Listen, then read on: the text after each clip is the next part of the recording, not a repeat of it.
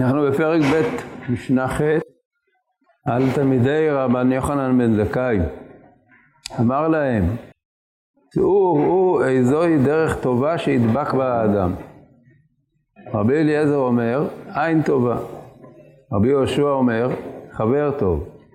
רבי יוסי, רבי יוסי אומר, שכן טוב. רבי שמעון אומר, הרואה את הנולד.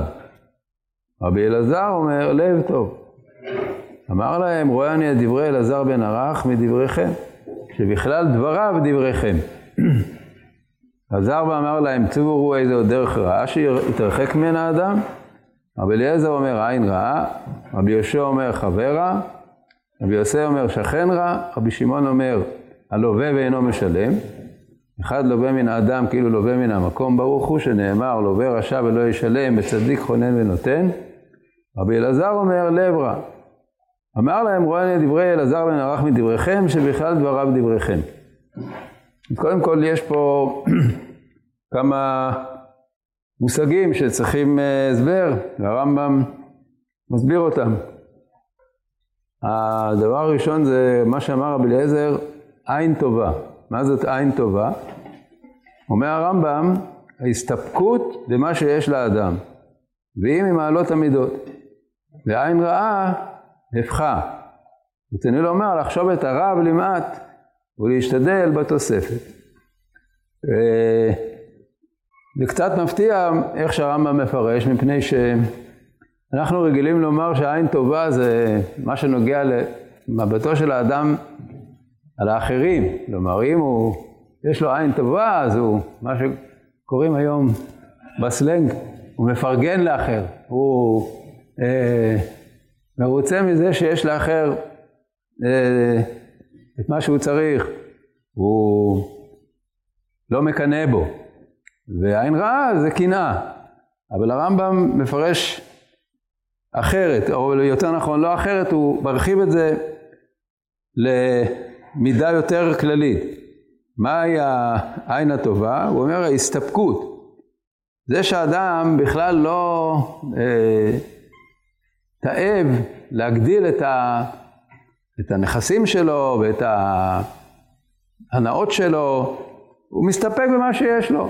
הוא, אדם שמסתפק במה שיש לו, זה לא רק שיש לו עין טובה על אחרים, הוא לא מקנא באחרים, אלא גם כלפי עצמו, הוא לא מחפש שיהיה לו יותר. יש uh, נטייה טבעית ל, ל, לבני אדם ל, לרצות ל... להעלות את רמת החיים שלהם, להיות אה, יותר ממה שיש לו, להשתדל בתוספת כפי שהוא אומר. אדם שיש לו עין טובה, הוא מרוצה ממה שיש, הוא מרוצה ממה שיש, כמובן הוא לא עצלן, הוא עובד לפרנסתו, והוא מרוויח כמה שהוא מרוויח, והוא מרוצה, הוא מסתפק במה שיש לו. ממילא זה גם כמובן גורם לזה שהוא לא מקנא באחרים. כלומר הרמב"ם מרחיב את המידה הזאת של העין הטובה לא רק כלפי אחרים אלא גם כלפי עצמו, כלומר הוא, הוא מסתדר עם עצמו, הוא מסתדר עם מה שיש לו, הוא לא נמצא במצב של רדיפת מתמדת אחרי מותרות. אז זה לגבי מה שאמר רבי אליעזר עין טובה. והאחרים שבאים אחריו, רבי יהושע שאומר חבר טוב, רבי יוסי אומר שכן טוב, זה הרמב"ם לא צריך להסביר, זה חברה רצויה, אחר כך הוא ייגע בזה, אבל הוא לא מסביר את זה באופן מיוחד.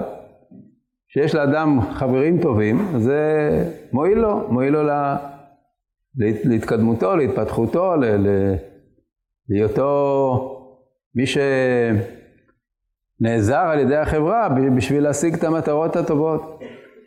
רבי שמעון שאומר הרואה את הנולד, אומר על זה הרמב"ם, אומרו כאן רואה, רואה את הנולד אשר עניינו ללמוד ממה שאתה, על מה שהתחדש, אין הוא בחוכמות, רק שיהיה מעלה שכלית. כלומר אפשר לחשוב שאולי הרואה את הנולד זה מי שיש לו שכל חריף והוא יכול ללמוד את, ה, את מה שלא מפורש מתוך מה שמפורש.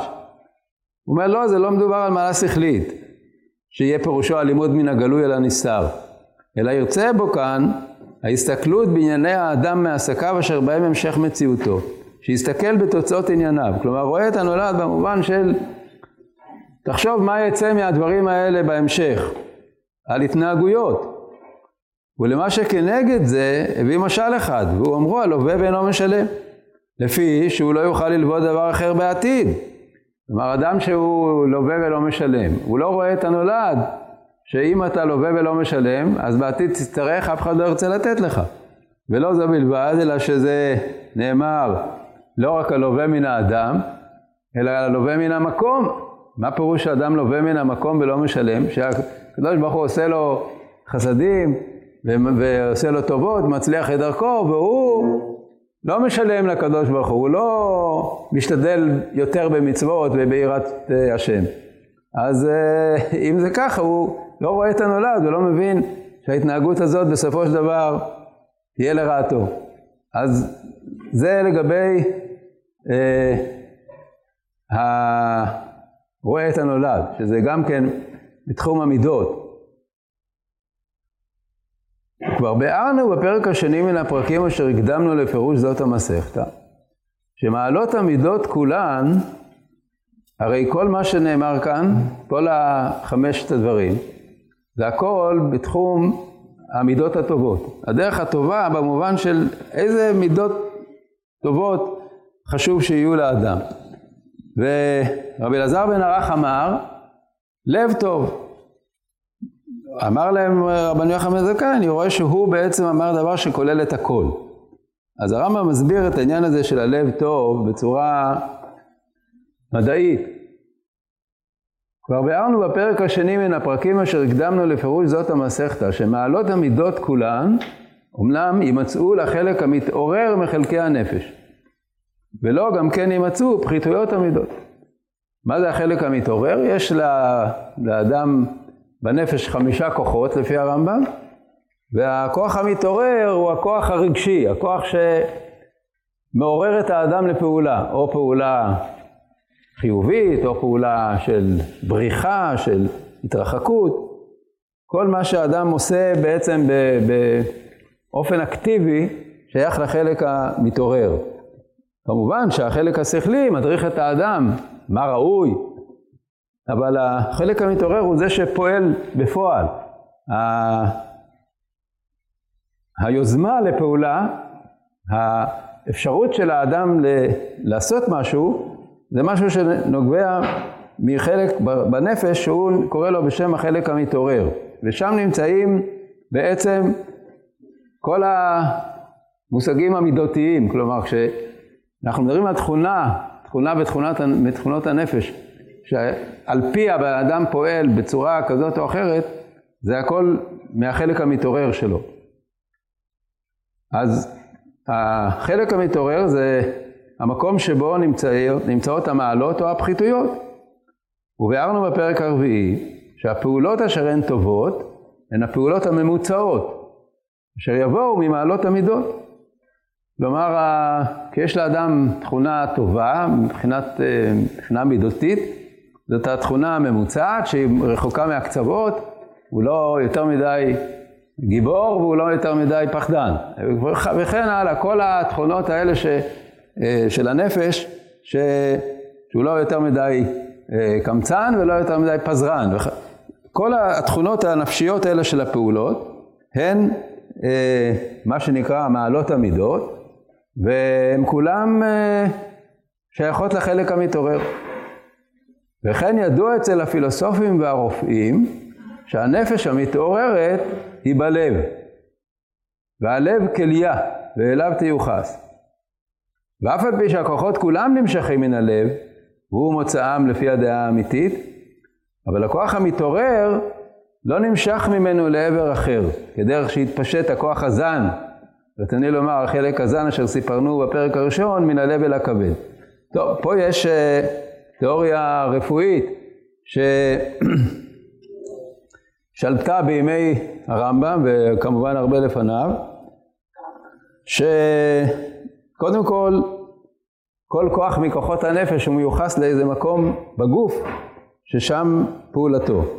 אז החלק המתעורר, אה, לפי התיאוריה הזאת, הוא מקורו בלב. אז אומר הרמב"ם, אמנם באמת כל הכוחות נמשכים מן הלב. מה פירוש?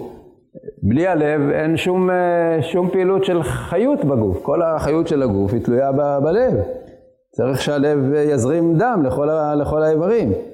אבל אם אה, שואלים איפה נמצא הכוח המתעורר, איפה מר, מרכז הפעולה של הכוח המתעורר, אז התשובה היא בלב. זה מה שהיה מקובל באותם הימים. אה, כיום אנחנו יודעים שהכוח המתעורר, כמו הכוח השכלי, נמצאים במוח.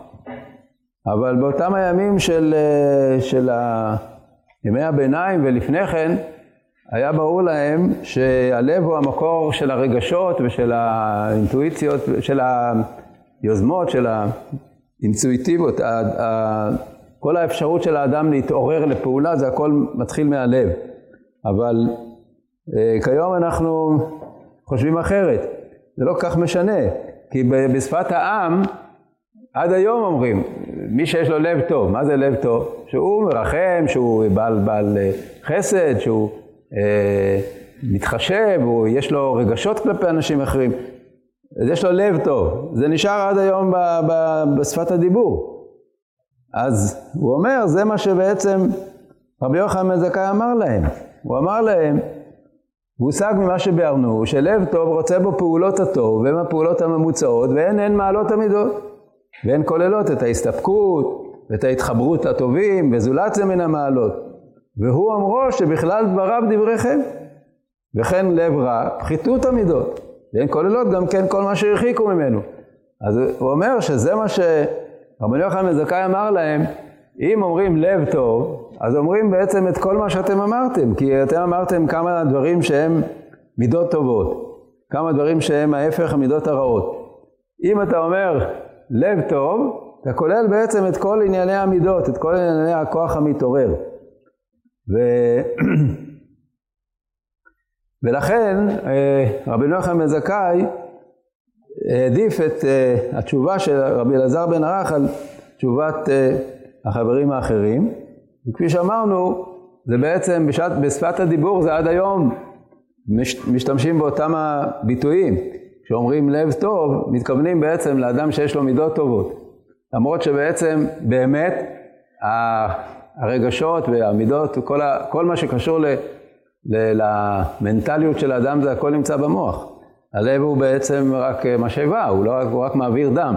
אז נכון שבלי המשאבה הזאת אין שום דבר, המוח גם כן לא יכול לפעול, אבל בסופו של דבר המקום שבו הדברים קורים זה, לפי המדע המודרני, זה במוח.